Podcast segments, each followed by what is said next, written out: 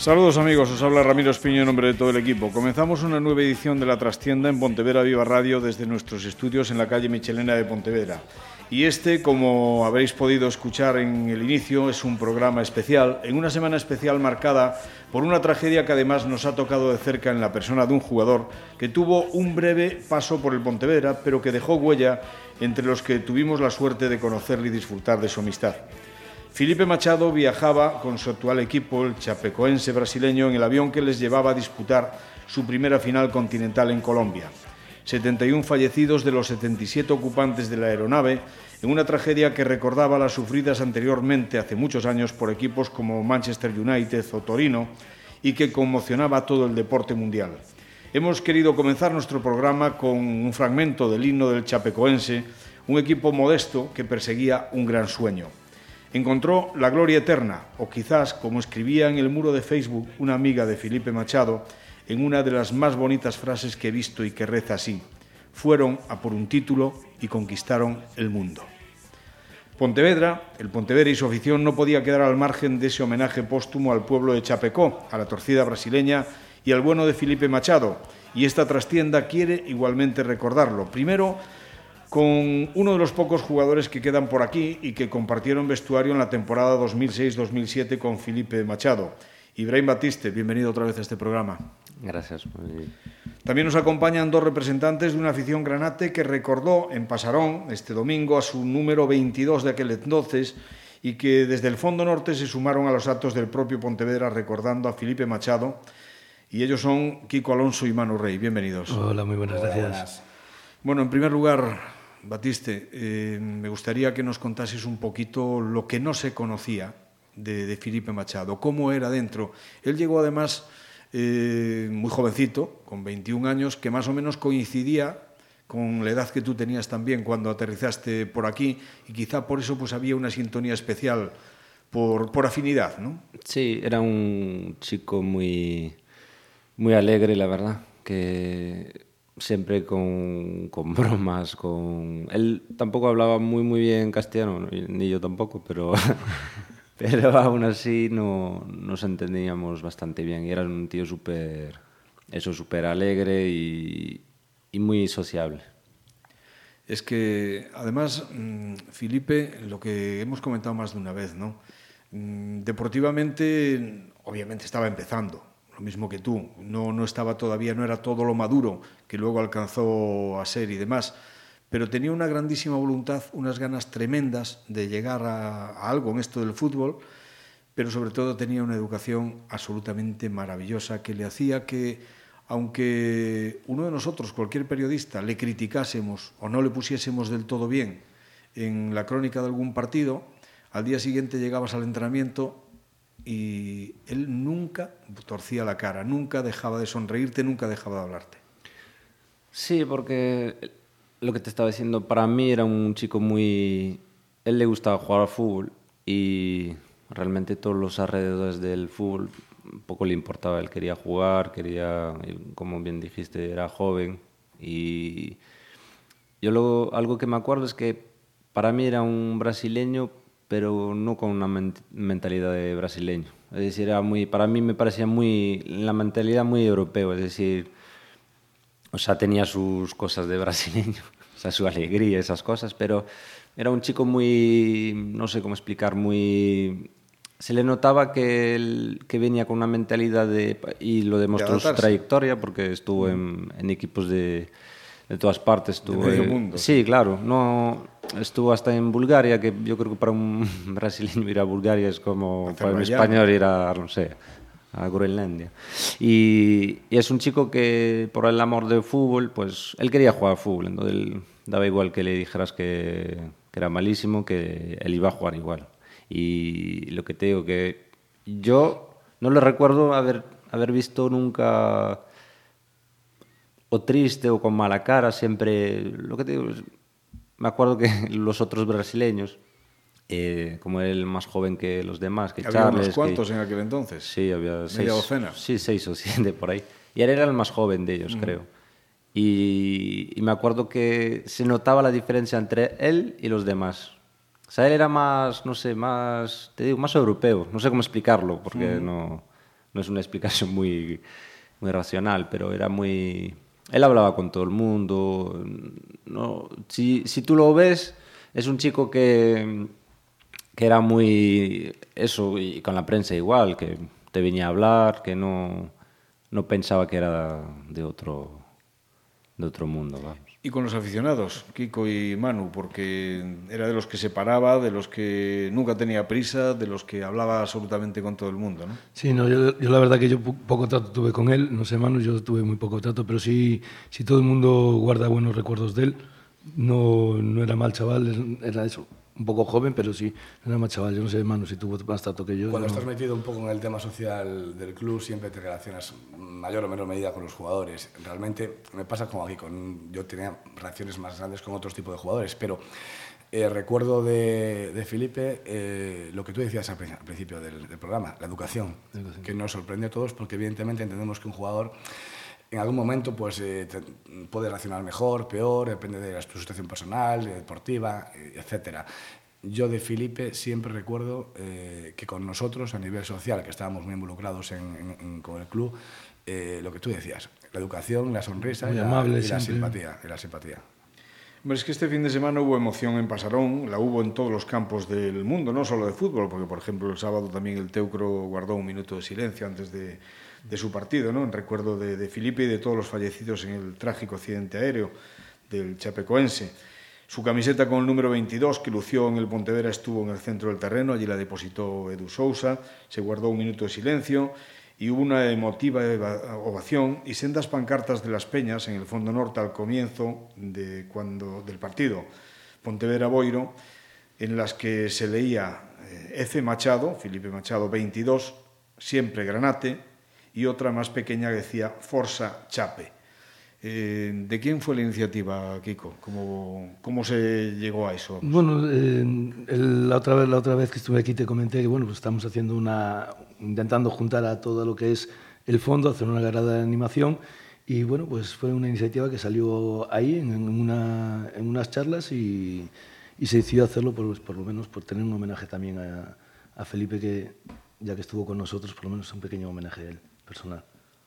Yo creo que fue unos momentos bonitos, emotivos y que además terminaron pues con, con una victoria. Y ahora pues, pues vamos a hablar precisamente un poquito de eso, ¿no? Un poco de, de lo que pasó en el Pontevedra Boiro, ese 4-0, esa goleada, desde mi punto de vista, engañosa. Porque la primera parte fue un truño difícil de digerir. Sí, pero estamos sumando puntos y realmente eh, llevamos una racha que, que te hace pensar que puede acabar bien y muy bien la temporada. Mm, Es muy temprano, es pronto y sabemos que la temporada pues, es larga y al final siempre puedes un poco eh, pagar, pagar lo que es la plantilla, la profundidad de plantilla, etc.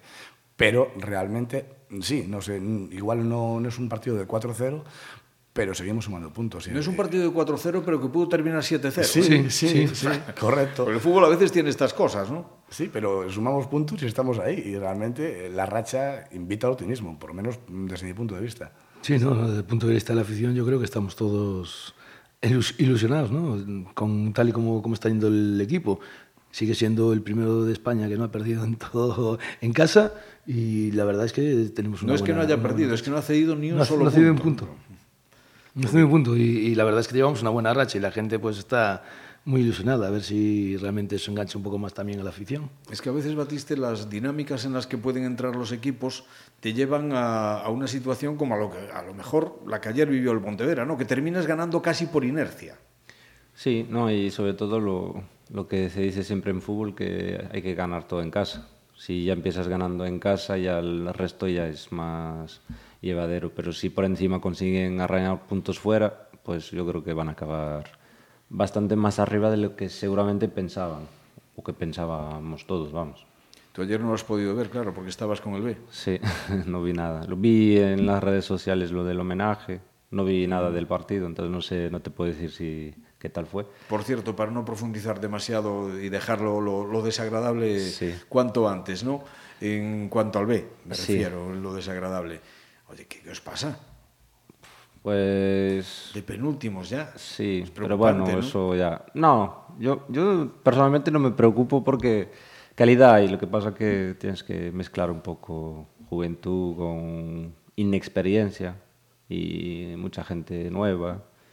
Pero no, pero la son, verdad que no. son ocho jornadas sin ganar ya. Eso Sí. yo creo que al final, razón de más, cuando tienes un equipo tan joven mayoritariamente, Sí. eso puede poner plomo en las botas, ¿no?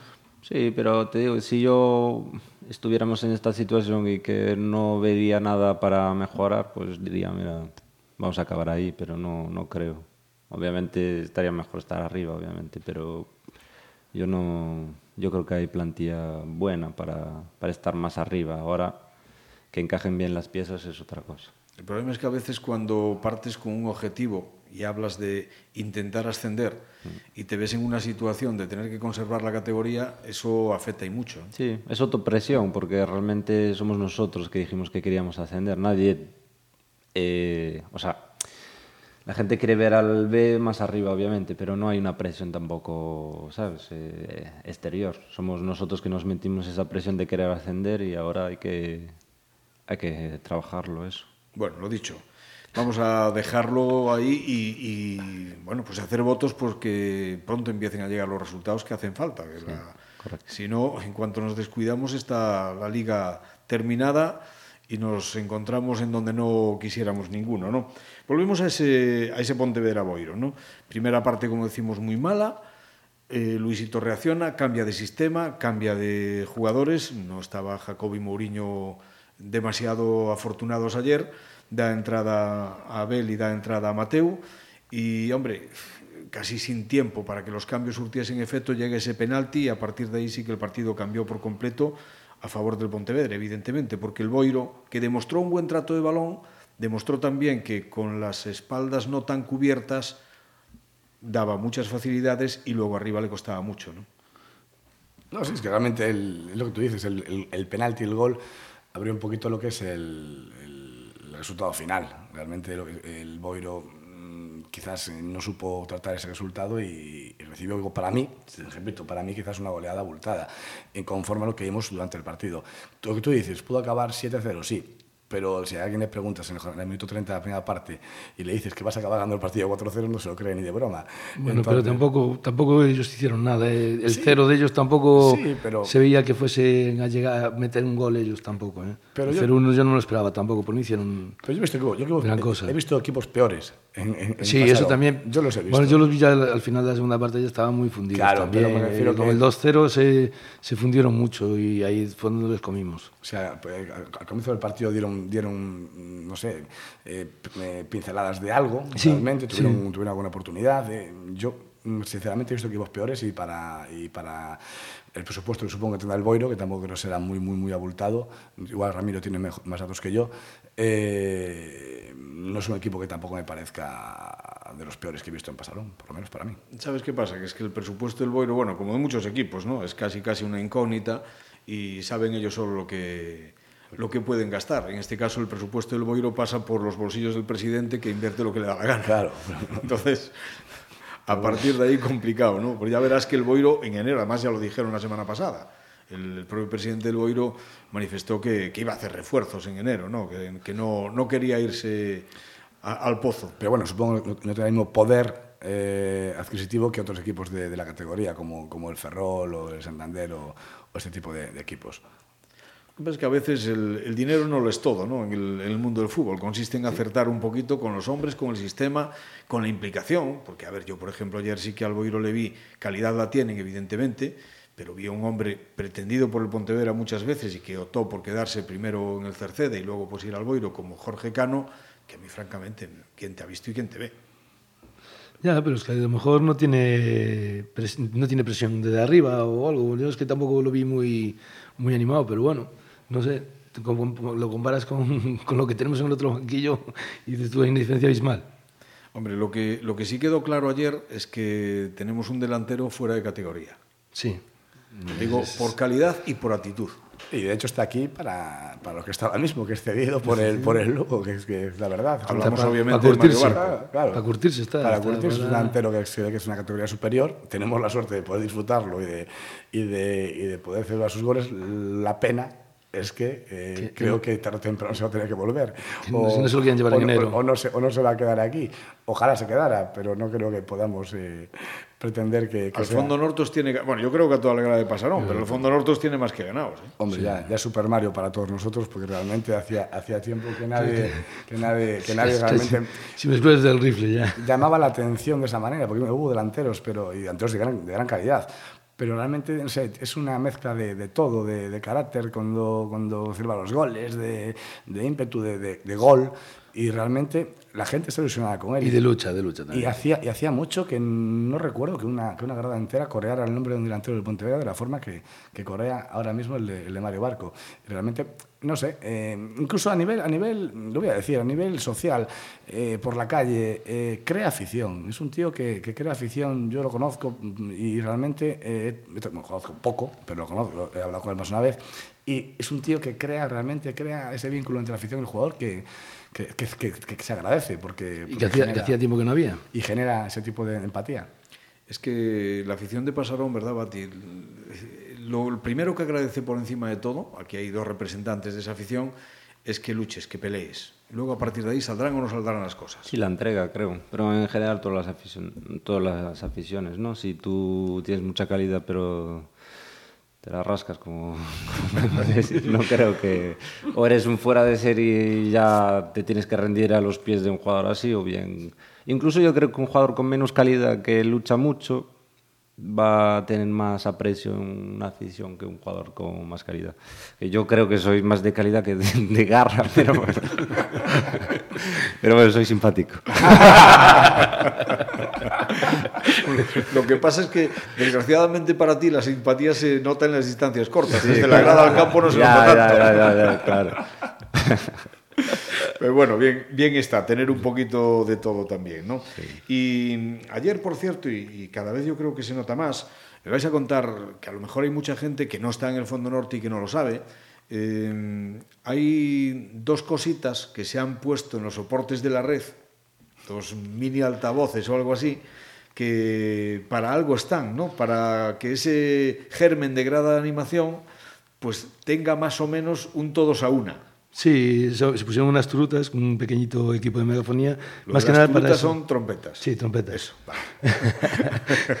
y es para eso, para, para animar, para, para que dar la, la salida de, de la canción que se va a cantar en el momento, para que todos estemos cantando lo mismo, no estén en una esquina cantando una cosa. O sea, que uno no cante Guantanamera y otro la cucaracha, así, ¿no? así de claro. Hecho, es un, poco peligroso. Ese, ese- ese- el, el micrófono hay que, hay que, dirigirlo, hay que dirigirlo bien porque realmente a veces te asusta un poco el tema de decir, uy, como, como coja uno por ahí, la- le damos parda. No, pero bueno, está a buen recaudo. Lo, Tenemos ahí a un lo- guardián. lo bueno en ese sentido es que quizás el espíritu de las peñas del Imagínate, perdona, imagínate que coja el micrófono Rafa Córdoba en lugar del megáfono. Hombre, Rafa, posiblemente no. Haría, haría arriba todo el estadio, ¿no? Pero, pero, pero realmente lo bonito del tema es que las peñas del Ponte estaban bastante desaparecidas, mm, todas, Todas, vamos a decir la verdad. Y este, este tipo de reuniones que hemos hecho, pues ha hecho un poco que la gente empiece un poco a ilusionarse y a juntarse, y se nota. Se nota no solo a nivel, a nivel animación, sino a nivel implicación, hay ganas de viajar, hay ganas de hacer cosas, eh, han montado lo que han montado ahí para, para animar, y realmente quizás tiene pinta, tiene pinta de ser algo bonito lo que, lo que viene por delante. Con tiempo y con, tiempo ganas, y, y- y siempre tiene que ir todo de la mano, el equipo con resultados y todo, pero tiene muy buena pinta, la verdad. A ver, el- resultados tenemos, nosotros estamos animados, ahora también el club tiene que aprovechar el tirón este que, tiene, que está teniendo el equipo en casa y, y- y que la grada también está poniéndose las pilas. Entonces ahora es el club el que también tiene que coger y decir, bueno, pues venga, vamos a hacer más cosas y cosas juntos e intentar coger más gente. Ahora viene la segunda vuelta, pues un carnet de segunda vuelta para que la gente que, que quiera porque hay gente que ahora dice, oh, bueno, pues me animo a ir, pero es que ahora paga 70 euros o 90 euros por un carnet para media vuelta que queda, pues no lo saco. Yo sigo pidiendo voy a gritos- dos o tres partidos. Yo, y... yo- yo sigo pidiendo gritos una cosa que es muy sencilla, que es la oficina del socio, donde realmente el, el granate de a pie pueda eh, su- Sí, hacer sugerencias, sugerencias. eh, invitar a cualquier tipo de, de evento que se pueda hacer. Es una pena porque realmente la gente está, está un poco eh, subida al equipo y, y quizás eh, pinchemos ahora mismo porque no podemos quejarnos de otra cosa. Mm, A nivel social, es una pena que a nivel social realmente nos explote. Ahora es el momento de que el equipo está ganando, estábamos teniendo, estamos ahí arriba, la gente se está implicando porque ya ves como desde el principio, desde el primer partido de liga hasta este domingo, la cantidad que ha cambiado norte ya, solo, solo norte, de gente, ya ha ido más gente. Entonces, eso es lo que tiene que aprovechar ahora el club. Está claro. Que está, enganche- que está viniendo gente. Pero sí que es verdad que desde mi punto de vista eh, la afluencia a Pasarón no está siendo todavía todo lo que cabría de esperar teniendo en cuenta la marcha del equipo, que es inmaculada, o sea, porque puedes decir, vale, es que el equipo fuera a lo mejor pues no está sacando los resultados que, que sería de desear. Ojo, ¿eh? que yo soy de los que pienso, eh, cuidado con los resultados del Pontevedra fuera de casa. No olvidemos que ha jugado contra el Valladolid B fuera, contra la Leonesa fuera, contra el Santander fuera, contra el Celta B fuera. Es decir, con todos los equipos de fuertes ha jugado a domicilio. En teoría, aunque en el fútbol no nada es lógico ni exacto, en la segunda vuelta tendría que sacar más puntos fuera de casa, ¿no? Otra cosa es que a lo mejor en Pasarón ya no Ya- ya consigue no mantener la racha el tipo. Pero a lo mejor los resultados que se ganó sin merecerse, entre comillas, en casa, a lo mejor los pierdes en la vuelta. Sí, sí, claro. Puede ser también. Eso el fútbol, lo que dijiste, no hay, No es ciencia no hay ciencia exacta. Entonces, Bueno, y hablando de fuera, ¿para cuándo más afluencia de, de peñas de aficionados en los desplazamientos? ¿Qué falta? ¿Qué falta? Implicación. Implicación. ¿Qué falta? Ayuda. ¿Qué falta? Faltan muchas cosas. ¿Qué pasa? Hay, hay, tiene pinta de que algo puede, puede, puede aparecer por ahí que quiera, que quiera pues, involucrarse con, con la masa social del club y eh, invitar un poco a, a que, la, que el viaje para el socio sea más agradecido. Y hay gente que ya se ha interesado un poco en el asunto. Mm, Todos son bien, bien recibidos. La pena es que, por, que falte por parte del club, quizás, es lo que te digo, no podemos quejarnos. A nivel deportivo es maravilloso todo. Quizás a nivel social falta un poco esa implicación. Se han dado pasos, sí, se han hecho reuniones, eh, se ha abierto un poco, entre comillas, la puerta, pero eh, la puerta hay que abrirse tiene que abrirse de verdad. Y realmente eh, se está ayudando, pero tiene pinta de que va a aparecer algo que va, que va a echar un cable. Pero ojalá que por parte del club haya un- realmente una, una implicación real a nivel, a nivel ayuda a la afición, porque el aficionado, al fin y al cabo, eh, la que es el desplazamiento le cuesta. Entonces es una pena Y, que... y- y te cuesta ir a un sitio y pagar 12 euros, 15 euros el otro día en Coruso, 18 en Burgos, es que y es te metes pena. un viaje de, de una kilometrada, 18 euros de entrada, más lo- el autobús, más tal, y las cosas está claro que no están como no están muy bollantes, y y Digo- no mías, sino yo creo que todo el mundo. Entonces, Digo yo, pregunto, puede, evidentemente el coste económico es importante, pero quizá lo que falta, lo que se necesita, es alguien que se responsabilice de la organización, porque es el coste precisamente en trabajo, en quebraderos de cabeza, en, en todo esto, que, que alguien que, que canalice un poco o que intente aglutinar a los que puedan estar interesados en ir por encima del coste económico. ¿no? Sí, pero Digo, yo creo que gente para organizar es sobra. O sea, y eh, hemos organizado viajes durante 15, 16 años, estamos acostumbrados a hacerlo. Eh, lo- yo creo que lo que falta es el empuje, eh, lo que es la ayuda. O sea, realmente, gente para organizar un viaje de Pontevedra sobra en Pontevedra, estamos más acostumbrados a hacerlo. Eh, falta quizás eso, lo que es eh, la colaboración. Una vez que esta colaboración ya se ha demostrado con el, con el tiempo de que el Pontevedra pues, ha, ha llevado, eh, mirando de Ebro no autobuses, eh, a, a Lorca 4, a, eh, la afición del Pontevedra Salamanca, ocho. o- eh, es exigente, pero a la vez es, es generosa. O sea, no, nunca, nunca, se ha, nunca se ha echado atrás en ese sentido. ¿Qué pasa? Ayuda, necesitamos ayuda, porque realmente una- es complicado viajar sin, sin ningún tipo de ayuda. Bueno, Y pues luego, y si luego des- también, eh, otra de las cosas, tío, que tienes que quedar en un bar para apuntarte, porque no tienes un sitio donde apuntar a la gente. No sé, eso también, también es una cosa que influye. Porque yo, si encuentro un sitio, por ejemplo, yo, yo te digo Pasarón o el pabellón, que tienes un sitio donde aparcar, que puedes aparcar, que vas, te apuntas y tal. Pero te vas, no, te mira, aquí en el hombre este del bar este nos deja aquí, que apuntemos y, y si no estamos, él coge el dinero y apunta él. y- Eso también influye. ¿sabes? Bueno, pues a ver si en estas reuniones que estáis manteniendo con los miembros del Consejo de Administración se van eh, cada Claro. vez dando más pasitos para que efectivamente vuelva a haber esa, si no es marea, porque la marea solo viene efectivamente en en etapa de mareas vivas, valga la, la redundancia, ¿no? Pero sí al menos que haya pues un respaldo al club, porque yo creo que cualquier jugador Batiste cuando sale fuera de Pasarón y ve 50, 100, los que sean, allí en la grada también sale mucho más motivado y dice, a esta gente no les puedo defraudar. Justo, lo que acaba de decir. Me acuerdo yo de un partido en Madrid, un campo sintético con una grada de, creo que tres marchas de grada, y estaba llena de aficionados del Pontevedra. Y no es lo mismo jugar en un campo, entre comillas, horrible, eh, que te venga a ver el padre del lateral, a que te venga a ver, aunque sean 50 personas, pero ya te anima y te, te da como una cierta obligación a responderle el, el esfuerzo que hacen, ¿no? Además es que el aficionado que está dispuesto a meterse una kilometrada entre pecho y espalda, ese no va a criticar, ese va a dejarse la garganta. No, y para mí eso es afición.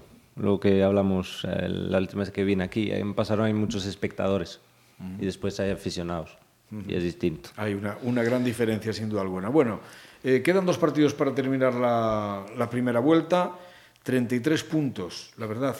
¿En el mes de julio pensabais que se podía alcanzar esa cifra? No, Yo tampoco. no. Siendo realistas, no. Eh, ¿Qué pasa? Hay que ser cautos. Mm, Estamos, yo creo, por encima de nuestras posibilidades. Ojalá me equivoque, porque si me equivoco será buena señal. Pero yo creo que va a ser complicado mantener este ritmo. Y ojalá, ojalá me confunda y sea todo maravilloso. Ahora, la realidad es que hay que aplaudir a esta plantilla. Y, y si, si mm, hay un bajón, pues hay que, hay que respaldarla. Así, claro. Me- Desde mi punto de vista. Todos los equipos tienen bajones antes o, después, pero el año pasado lo pasamos a la final de temporada. El bajón lo pegamos, estábamos ahí arriba, estábamos ahí arriba y de repente pegamos un bajón y quedamos, quedamos como quedamos, ni Copa Rey. Pero bueno, es eso, que los bajones los vas a tener, no sabemos cuándo, pero se, se fijo, fijo que lo vas a tener. A lo mejor en la época esa que te vienen los tres o cuatro estos que son más fuertes y te metes ahí, que te quitan unos puntos, bueno, pero hay que seguir ahí. Estamos, estamos bien, llevamos bien, buen, buena primera vuelta. ¿Haríais algún ajuste en la plantilla ahora en, cuando se abra el mercado invernal? Yo sí. yo, yo, desde luego, más, más- partiendo de la base de que se evidentemente. ma- más que nada, no sé si podrán, pero supongo que, pero supongo que no.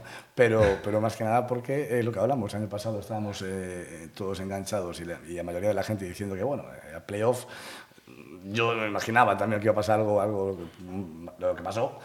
Y quizás yo creo que haga falta hacer un, un- un refuerzo de, de alguna área del equipo, porque lo que, lo que puede eh, ayudar es que no pase no se repita el año pasado, que al final pues eh, acabamos pagando el- los esfuerzos que estamos realizando a estas alturas de temporada. Hombre, y si se te va algún jugador, como hemos dicho antes, que igual Mario, pues igual lo repesca el Lugo o lo que sea, pues te- algo tendrá que, que mirar el club para fichar. No Bueno, sé si tiene de, no. momento, de momento vamos a cerrar el año, vamos a cerrar diciembre, primera vuelta, y luego ya veremos. Lo que sí está claro es que de momento el equipo también está respondiendo y con creces a las expectativas que, que se podían haber creado e incluso a los que no se, no se habrían creado hasta ahora. Chicos, que muchísimas gracias por estar aquí, además hoy en este día tan especial en la que pues recordamos a Felipe Machado y al Chapecoense. Por ello, nuestra habitual despedida musical hoy no puede ser otra que la que pienso que muchos estáis imaginando.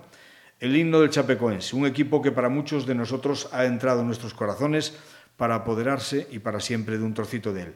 Permitidme que esta despedida de hoy sea un fuerte grito de Forza Chape. Hasta la próxima semana que intentaremos que haya más y si podemos también mejor. Muchas gracias, os esperamos.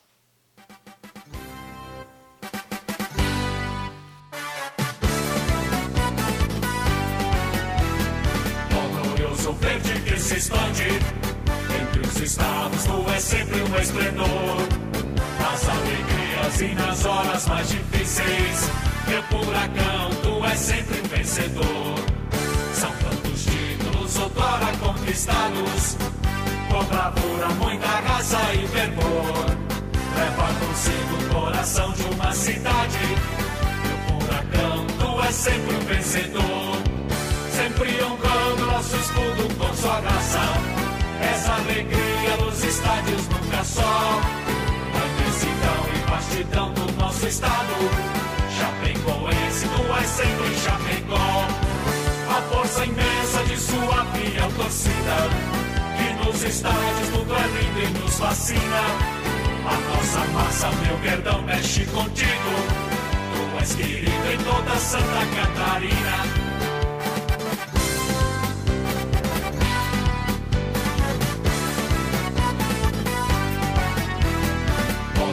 Glorioso verde que se expande.